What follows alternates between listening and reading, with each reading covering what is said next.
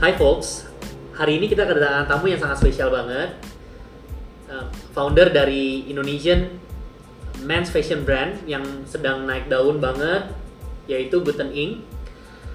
Guten Ing ini sekarang bisa dibilang salah satu uh, top men's fashion brand yang ada di Indonesia yang sudah memiliki Instagram followers asli uh, sebanyak 200 ribu di Instagram dan juga sudah memiliki tiga toko di uh, in Jakarta, Bandung, dan di Makassar. Langsung aja kita ngobrol sama foundersnya yaitu Bro Ramadan.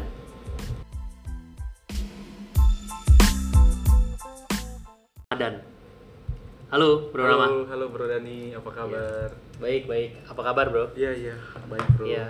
nah di sini kan memang uh, kita lihat uh, Guten Ing ini kan sekarang lagi naik daun terutama di Bandung ya. Oh iya. Uh, asalnya memang dari awal Guten Ing kan memang di Bandung. Kemudian sekarang ada di tiga kota, di Jakarta dan di Makassar. Dan gue lihat juga followers di Instagramnya udah banyak banget nih bro, udah 210 ribu. Iya. Waktu dulu gue inget pertama kali ketemu Bro Rama itu kurang lebih bulan lalu. Iya. Gue lihat Instagram followersnya ada 190 ribu. Oh. Sekarang naik jadi 210 ribu nih. ribu. Iya. Eh, kira-kira itu nggak beli kan bro? Nggak beli, Itu- itu. nggak beli Instagram followers dong. Eh, dulu seben- sebenarnya waktu awal-awalnya banget masih 10.000 ribu, Hmm. terus ngelihat orang lain udah pada puluhan ribu, em, ya gitu ada tawaran-tawaran buat eh, jual followers. Jual followers. Cuman pas kita mikir-mikir ya kita tetap balik ke idealis sih jangan sampai kita eh, palsuin gitu kan Iya, apalagi iya. kan itu kalau kita palsuin berarti sukses kita eh, palsu jadi sampai sekarang ini kita masih asli semua itu eh, ini a- eh, followers asli Hmm. Iya, iya. organik Nah sekarang eh, mungkin Bro Rama bisa kenalin sedikit tentang Guten Ing. Em, Guten Ing itu apa sih sebenarnya bro? Um, Guten Ing, kalau ditanya Guten Ing apa, saya penjelasannya adalah Guten itu adalah brand fashion asli Indonesia Iya. Yang kita memprovide kebutuhan fashion eh, anak muda, umumnya cowok dari Hmm. range umurnya itu dari 18 sampai 25 tahun. 18 sampai 25 tahun. Iya, karena target market kita dari dulu itu adalah mahasiswa. Karena kebetulan saya waktu buatnya itu masih mahasiswa ya, Hmm. price-nya itu ya kita sebagaimana mungkin itu affordable. Jadi em, harga itu kaki lima tapi kualitas bintang Iya, lima. kualitas seperti, lima. kayak seperti itu bro.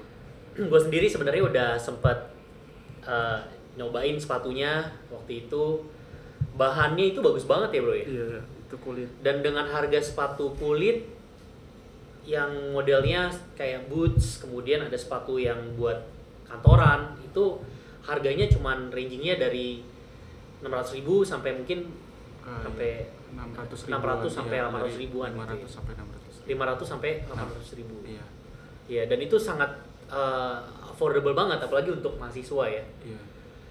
boleh ceritain nggak sih bro? Uh, Guten Ing ini awal berdirinya itu kapan?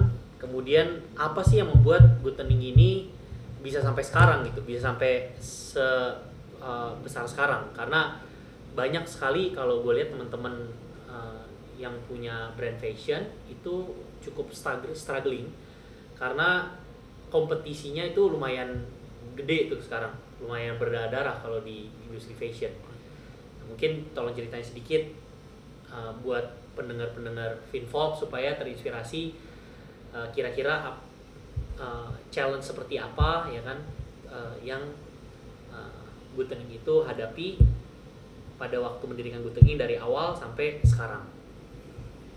Em, jadi awal mulanya banget Guten Ing itu waktu saya masih kuliah.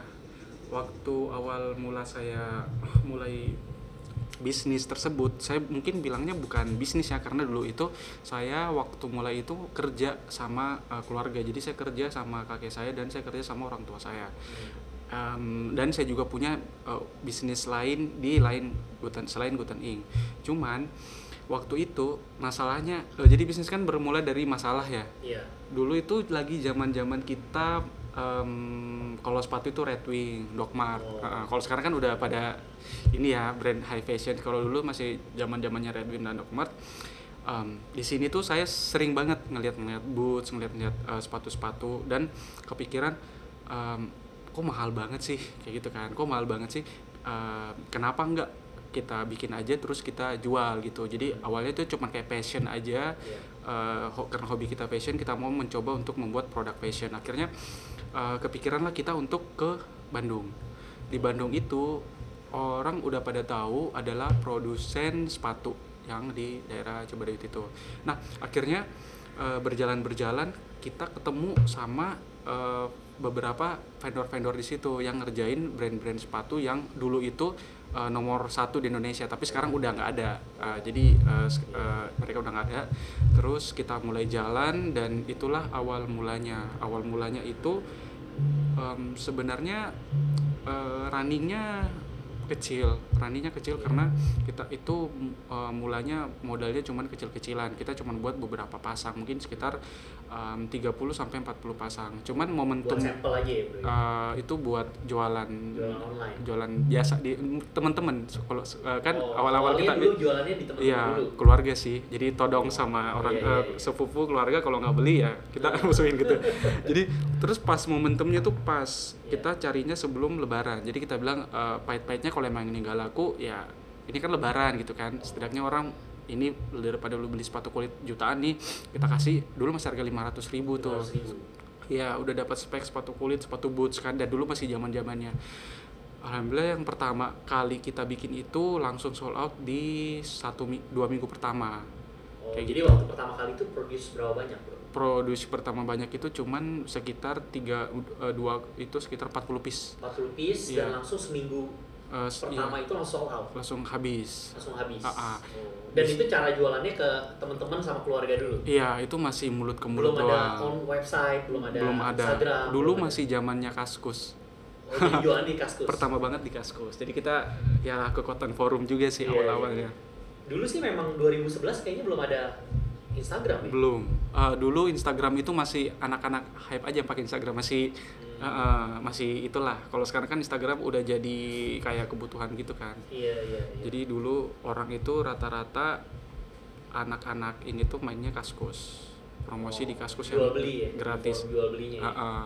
Terus kekuatan kita kenapa kita bisa murah adalah karena dari dulu kita tahu em, digital marketing adalah salah satu biaya marketing yang paling efisien Iya. kayak gitu dengan kita dulu kaskus kan masih gratis gitu kan jadi kita emang cuman modal uh, modal tenaga aja sih modal tenaga gimana cara kita ngepost dan lain-lain dan itu bisa naik Hmm. itu dan awal. tapi dari dulu awalnya memang mereknya udah Guten Ink dari dulu awalnya Guten Ing Guten ya dari bahasa Jerman Guten Iya, uh, iya. selamat gitu kan Oke, nah terus eh, challenge-nya tuh apa bro? Waktu mulai awal-awal, kan kalau dilihat modalnya waktu itu eh, sekitar 16 juta ya? iya 16 dengan modal 16 juta, kemudian eh, produce 40 peace piece sepatu, iya jual di kaskus. Heeh. Nah, kemudian gimana caranya dari 16 juta yang gue dengar sekarang omsetnya udah sekitar 2M per bulan. iya Nah, alhamdulillah berarti kan udah produksinya udah Iya. ribuan eh, udah me- sepatu. iya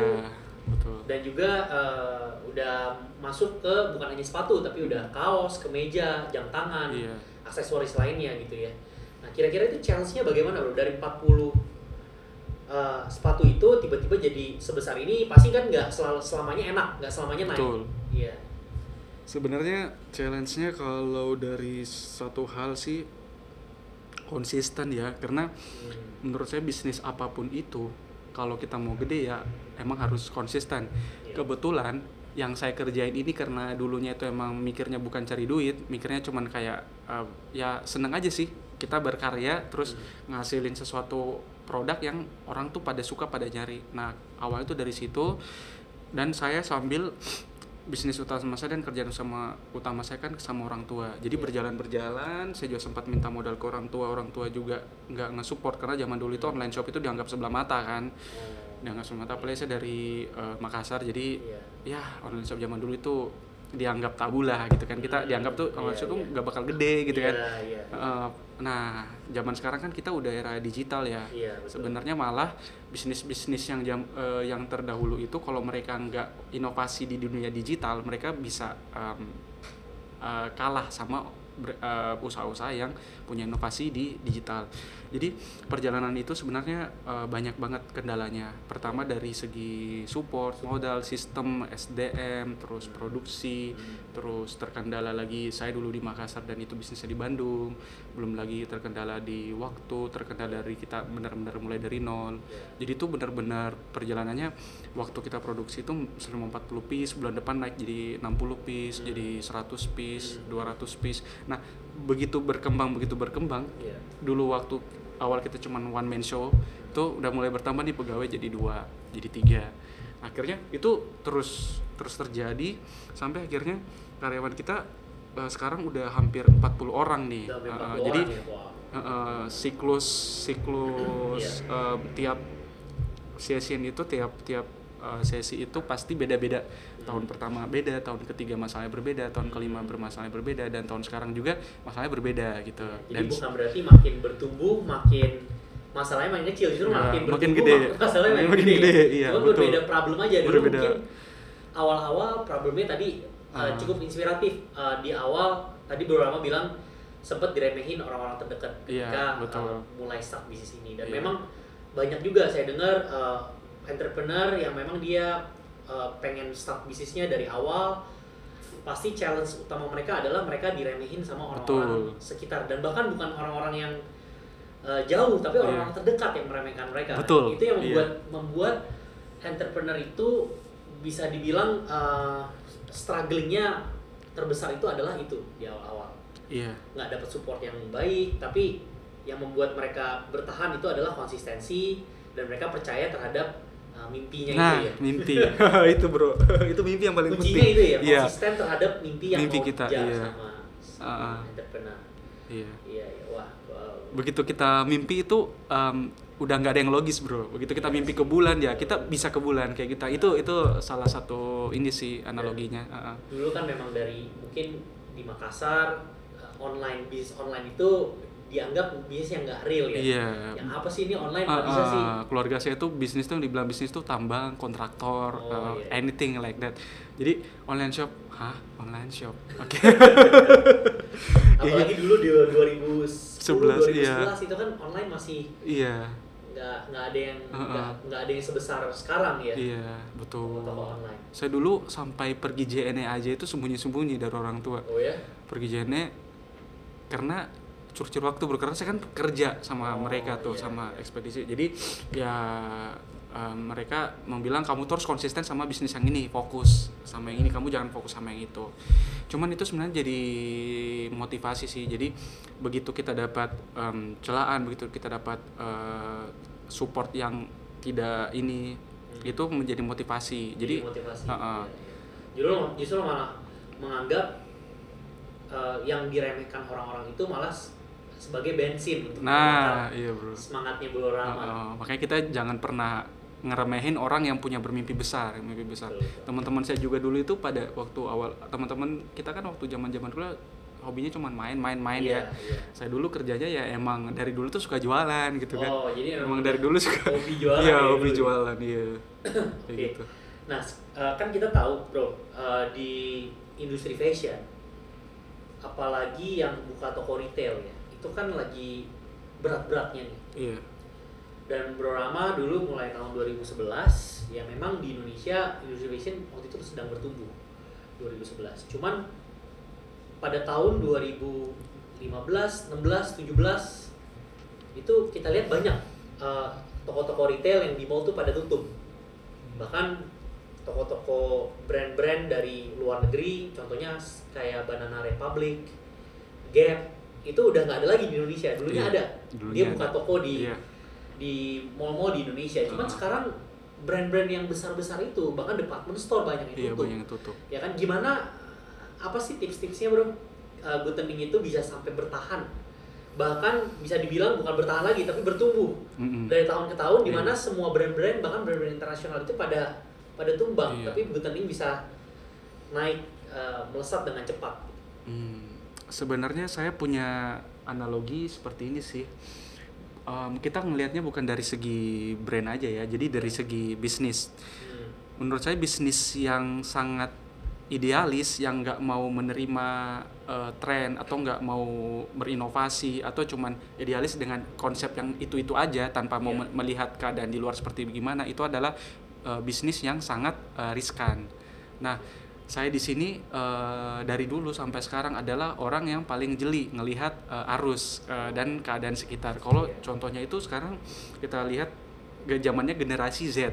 Ya, uh, umur kita uh, umur target market, market kita adalah 18 sampai 25 tahun. Walaupun saya sendiri udah lewat dari market itu tapi brand saya itu nggak boleh bertumbuh juga. Dia tetap 18 sampai 25. Kita lihat generasi Z zaman sekarang apa sih? Mulai dari culture musik, mulai dari culture style, mulai dari culture marketing, dari komunikasi itu semua udah jauh 180 derajat berbeda.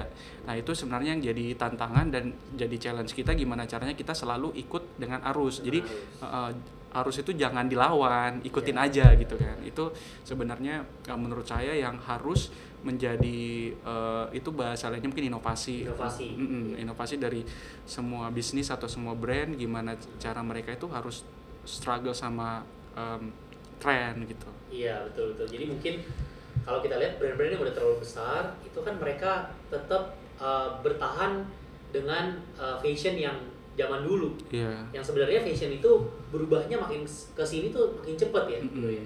Makanya ada yang namanya fast fashion ya. Fast fashion. Di mana uh, dia melihat satu tren, kemudian dia jualan dan tiba-tiba bulan mungkin dua bulan tiga bulan kemudian udah beda lagi Betul. uh, yang produk yang dijual Iya. di toko-tokonya. dan itu dia jadi kalau kita lihat ranking nomor Iya. 1 2 3 itu adalah eh, Zara, H&M dan Uniqlo. Zara, H&M sama Nah, Uniqlo. tiga-tiga itu brand fashion dunia yang dari segi penjualan ya. Jadi Iya. kita lihat dari segi sales, Sales. marketing itu adalah fast fashion market. Oh. Ah, ah, yang kalau kita beda lagi adalah brand yang sangat cepat. Jadi begitu, jadi mereka itu um, contoh brand high fashion dunia nih. Iya. Let's say uh, eh Tedit Iya. gitu kan fashion dunia ngadain runway. Terus Oh, iya. dari dari tim uh, brand fast fashion tersebut Iya. datang buat uh, ngelihat apa yang lagi bakal hype Iya. dan mereka tuh dalam jangka waktu tiga minggu itu udah ada di etalase tokonya tokannya ya? iya Iya, iya. Heeh, itu kenapa- namanya fast fashion tuh. fast fashion Kenapa Heeh. Zara, H&M dan Uniqlo itu bisa sebesar itu? Iya. Karena ya mereka ikutin tren itu uh, dengan sangat cepat ya, Sangat mengadopsi tren-tren itu dengan sangat cepat. Orang-orang baru kepikiran pengen beli A, ternyata udah ada di tokonya. iya betul Jadi orang-orang yang suka dengan brand itu dia bisa afford, bisa Betul. beli langsung ke Zara, Heeh. langsung sudah ada sepatu yang dia pengenin Mm-mm. dengan harga yang sangat terjangkau. Iya. Begitu pula dengan brand-brand yang uh, high fashion atau high couture yang paling atas top-top kayak LV Iya. or anything. Iya. Dia itu cara strategi marketnya untuk masukin uh, tren adalah kolaborasi dengan street style. Hmm, benar-benar. Oh. Sekarang udah mulai agak udah udah mulai iya ya. Heeh. begitu culture musik kita dari dulunya yang zamannya masih pada band-band sekarang udah berubah menjadi R&B dan hip hop akhirnya brand street itu ngikut arah ke eh, musik nah brand fast fashion juga eh, brand high fashion juga itu pernah jadi LV sama Supreme itu kan salah satu Betul. eh, pertanda Kolaborasi. Kolaborasi. itu ngarahnya ke, ke uh, street, sekarang fashion. iya street fashion dan mereka juga berinovasi mereka tuh nggak nggak nggak idealis banget Betul. dengan konsep mereka karena Jadi- uh, uh, karena tren dun ini tren dunia udah Tren jadi dunia. tren dunia iya Betul sih. Jadi memang betul mungkin salah satu uh, tips dari Bro Rama ketika melihat satu tren itu biasanya lahirnya itu dari music ya, Bro ya. iya Dari musik-musik, uh-uh. dari brand-brand uh, apa band-band musik yang kira-kira lagi nge-hype apa nih? Apakah R&B, iya hip hop atau Uh-uh. dulu kan zamannya masih rock mungkin indie, Betul. alternatif rock dan Iya. lain sebagainya. Uh-uh. Dulu gue ingat waktu aw- dulu 2011 itu masih alternatif rock, orang masih suka pakai boots tuh. nah Ya kan? iya, sekarang iya. sekarang mulai ke hip hop, mulai ke street Sneakers, streetwear, iya orang mulai beralih ke sneakers ya. betul Jadi memang sebenarnya tren-tren dari fashion itu lahirnya itu dari dari music, Music, ya. ya. dan contoh uh, apa yang dipakai contoh kemarin di Indonesia itu kan ya Rich Brian memakai Hmm. champion dan akhirnya champion jadi, Champion jadi uh, meledak booming banget. Iya, Iya. Asep Rocky juga memakai brand-brand uh, tertentu dan itu menjadi booming. Jadi uh, icon-icon jadi si brand-brand besar ini mereka itu emang um, berkolaborasi dan um, apa namanya menyebar tren itu dari Iya. musisi-musisi dunia gitu benar benar, benar. ngomong-ngomong soal uh, marketing ya kan kalau gue lihat di instagramnya Guten Inc dua ratus ribu dua ribu sekarang dan instagramnya followersnya asli. Iya. gue sendiri udah cek uh, tractionnya. Iya. Kalau asli atau enggaknya Instagram kan bisa dicek dari traction ya Dari traction. Instagram Analytics-nya. Betul. Dan ini gue sendiri udah lihat langsung tractionnya ini udah banyak banget. Setiap story aja rata-rata di view oleh 10.000 ribu uh, viewers ya bro iya. Kira-kira 10.000 sampai 12.000 viewers Um, kemudian traction di Instagramnya udah satu minggu bisa 1,6 juta sampai 2 juta iya. tractionnya. Nah tapi kalau gue lihat di situ Instagramnya post-postnya kebanyakan ini kan men's fashion bro. Iya. tapi kenapa kok model-modelnya itu cewek gitu? Ah, iya. Padahal kan, pertanyaan. padahal kan mau dijual ke cowok nih, tapi kenapa kok model-modelnya cewek-cewek? iya. Mungkin Eh, bisa dijelasin, apa sih mungkin ada strategi di balik itu? Jadi kalau saya kasih analoginya mungkin seperti ini bro. Hmm. Di kita di mana di mana ada gula kan di situ ada semut ya. Oh iya. Jadi kalau kita lihat dari segi likers, em, apalagi sekarang dengan zamannya ada yang orang sebut hype buy gitu, hype buy. Jadi cewek-cewek itu biasa kalau upload foto kan likersnya udah cepet banget tuh Hmm. Naiknya dibandingkan kita upload foto cowok. Foto cowok. Ah, Iya, sedangkan foto cewek sendiri yang nge-likes dan nge-view itu rata-rata cowok semua. iya. Hmm. Jadi itu sebenarnya hmm, salah satu shortcut juga sih untuk eh, dapat attraction. dapat traction ya. Iya. Jadi tips buat uh, marketing untuk dapetin traction yang banyak itu Uh-uh. sebenarnya memang harus ada gulanya ya. Iya. bro. Iya. gulanya itu ya model-model cewek-cewek Eh, eh, yang memang um, apa punya bisa bikin traction yang besar Betul. di Instagramnya Guten Inc. atau kalau enggak mungkin eh, cowok tuh hobinya apa misalnya yang motoran Iya. atau eh, traveling. Nah, itu bisa jadi salah satu hal yang untuk menarik eh, ini, menarik impression kayak gitu Oke, loh. oke. Nah sekarang kan Guten Inc udah sampai satu titik di mana sudah diakui bisa dibilang sudah diakui oleh anak-anak muda pencinta fashion nih Guten Inc yang memang mau mencari uh, fashion yang affordable cocok buat kantong-kantong anak muda. Untuk ke depannya kira-kira apa sih uh, visi misinya Guten Inc ke depannya nih mulai dari tahun ini sampai uh, tahun-tahun berikutnya? Kira-kira Guten Inc ini mau mengarah ke mana kemudian mimpi-mimpi apa lagi yang mau dicapai oleh Guten Inc? Untuk khususnya Guten Inc ini kan bisa dibilang merepresentasikan uh, brand Indonesia. Kira-kira apa sih yang mau dikasih untuk Indonesia ini dari Ah. brand Guten Inc ke depannya Jadi eh, mungkin saya nyambung dulu mimpi yang eh, tiga Dulu. empat tahun yang lalu, Iya. iya. Dulu awal-awal mau mulai Iya. ini ya, Guten Inc ya. Awal-awal itu kan kita cuman produksinya semua yang mendekati dengan sepatu-sepatu kulit. Sampai kerja sempat yang nanya, ini ke depannya mau jadi apa sih?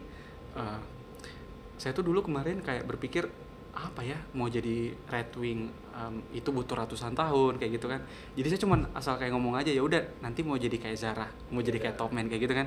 Tapi setelah saya selalu menjawab orang dengan pertanyaan seperti itu saya jadi kepikiran. Akhirnya tahun ke tahun saya udah mulai beradaptasi yang namanya eh, fast fashion tersebut. Fast fashion. Uh, uh, dan alhamdulillah mereka itu pada ngerespon positif. Jadi apa yang kita buat seri apa pun yang kita uh, keluarin itu mereka tuh pada pada tunggu kan. Hmm. Uh, sekarang ini saya lagi uh, mau ber membuktikan nih membuktikan kalau uh, dari Indonesia itu uh, kan kemarin ada brand fast fashion dari Jepang ada kan dari Ada. Asia ada uh, nah dari Indonesia itu juga bisa uh, men- menghadirkan brand fast fashion gitu Hmm. dengan harga yang tak kalah murah tapi dengan desain yang otomatis bisa bersaing. Nah, itu yang sementara saya mau eh, ekspansi di mulai dari tahun ini terus eh, ke depan Iya. eh, gimana caranya kita diakui Eh, mungkin dari menambah titik-titik eh, di Indonesia sampai ke luar. Uh, uh, terus mungkin ke depan um, selain jadi sebenarnya uh, kita kan de- usaha sekarang digital tuh Iya. digital digital sebenarnya kita perlu uh, sebuah media atau sebuah apa yang untuk membuat kita menjadi suatu uh, menjadi menjadi viral misalnya Iya. kan yang saya kepikiran itu mungkin ya kenapa enggak kalau kita nanti ke depan uh, membuat uh, konser atau membuat apa Oh, gitu kan itu kan iya, iya. uh, sebenarnya bisnis yang passion passion kita juga kan. Kita anak-anak muda suka apa sih? Suka nonton musik suka Iya. nonton konser. Ya kenapa enggak kita ke depan mungkin bisa membuat itu. iya. Iya. terus apalagi yang eh, kita lihat nih tren-tren apa yang bisa eh, mm, membu- membuat Guten itu menjadi hype. Nah itu yang Hmm. bakal kita terus gali dan jadi kita tuh nggak mau membatasi mimpi kita itu aja sih. Iya, kita nggak mau iya. membatasi apa yang kita lakuin. Pada saat kita udah yakin dengan itu kita bakal fight uh, for the right gitu sih. Memang uh, yang gue dengar juga banyak. Ketika ya mimpi itu punya punya pengaruh yang besar banget bagi seorang entrepreneur ya. iya. Dan entrepreneur itu punya konsistensi yang tepat tadi minjam katanya Bro Rama harus konsisten dalam mengejar mimpi. Uh, dan uh, sekarang ini ya ke depannya Guten Inc akan menjadi uh, bisa dibilang fast fashionnya Indonesia amin brand fast fashion Iya. Indonesia ini aspirasi Ya, Guten dalam waktu uh, mudah-mudahan ke beberapa tahun depan ke depan ya. iya Dan memang sekarang kan Guten bukan hanya jual sepatu, awalnya dari sepatu, cuma sekarang udah mulai jual macam-macam juga. Iya. Jadi udah mirip, kurang lebih udah mirip dengan brand fast fashion iya uh, yang lainnya di luar sana ya. betul Kalau kita lihat yang memang sekarang fast fashion itu kan masih uh, di- didominasi oleh brand-brand asing. iya Belum ada nih brand-brand Indonesia yang uh, bisa dibilang brand fast fashionnya Indonesia yang bisa menyaingi uh, brand-brand fast fashion dari luar negeri. Ya. Kemudian pertanyaan mungkin pertanyaan terakhir nih, Bro Rama. Uh, Kira-kira siapa sih yang menjadi inspirasi Bro Rama untuk tetap mengejar mimpi-mimpi besarnya Guten ini? Ya, kemudian mungkin pertanyaan yang kedua itu uh, as- uh, kira-kira perusahaan atau brand fashion apa yang menjadi inspirasinya Guten Inc? Em, kalau orang yang paling menginspirasi saya adalah eh, kakek saya sendiri. Kakek saya sendiri itu em, kalau saya cerita sedikit, kakek saya itu adalah orang yang dulu sempat ngetop banget sampai punya eh, perusahaan bank di Indonesia dan mereka dia itu sempat jatuh sampai harus ngejual eh, besi, jual emas untuk ma- kasih makan anaknya sendiri Jadi mulai lagi dari nol. mulai dari nol Besar, mulai dari ya nol. dan dia bisa bangkit dengan eh, cepat yang saya lihat di sini adalah motivasi itu yang harus saya punya sih.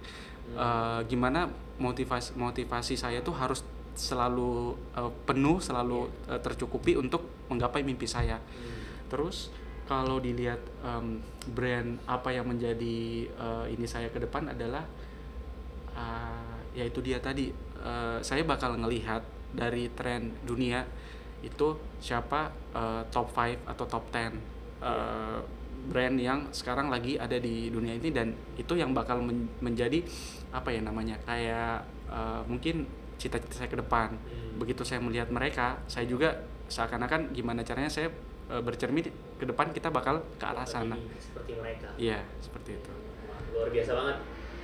Uh, thank you banget inspirasinya uh, Bro Rama. Iya. Di mungkin buat uh, pendengar Finfox yang ada di luar sana yang sekarang mungkin lagi dengerin di mobil atau di rumah uh, bisa terinspirasi oleh ceritanya Bro Rama, pemilik dari Guten Inc. Uh, salah satu uh, bisa dibilang salah satu top men's uh, fashion brand lokal asli Indonesia. Uh, di dari ceritanya kita banyak belajar bahwa untuk mengejar mimpi perlu ada konsistensi Uh, dan juga jangan takut untuk memulai dengan modal sekecil apa pun. Jangan takut untuk memulai, yang penting kita konsisten.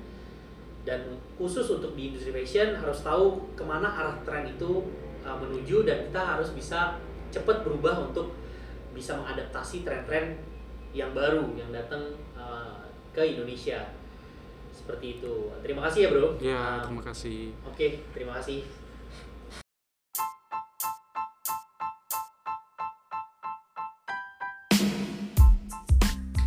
Hey, thank you for listening to FinVok, Rethinking Money.